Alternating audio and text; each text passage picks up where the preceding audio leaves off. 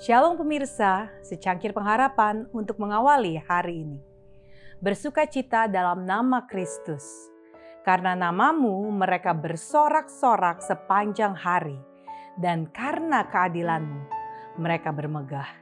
Mazmur 89 ayat 17. Tuhan, Tuhan, Allah penyayang dan pengasih, panjang sabar berlimpah kasihnya dan setianya, yang mengampuni kesalahan, pelanggaran, dan dosa.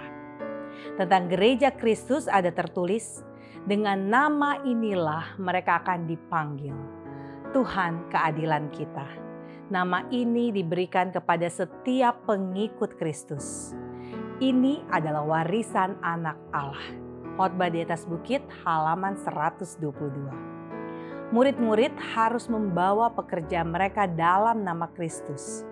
Tiap-tiap perkataan dan perbuatan mereka adalah untuk menekankan perhatian pada namanya. Seperti mempunyai tenaga vital oleh mana orang berdosa itu boleh diselamatkan. Iman mereka terpusat kepadanya yang menjadi sumber kemurahan dan kuasa.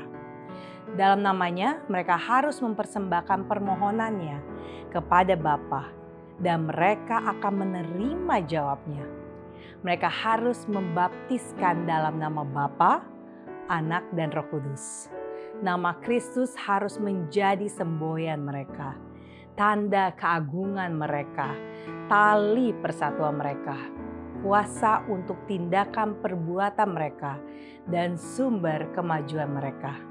Alfa dan Omega jilid 7 halaman 29 dan 30. Mereka hidup dalam cahaya wajahmu, karena namamu mereka bersorak-sorak sepanjang hari.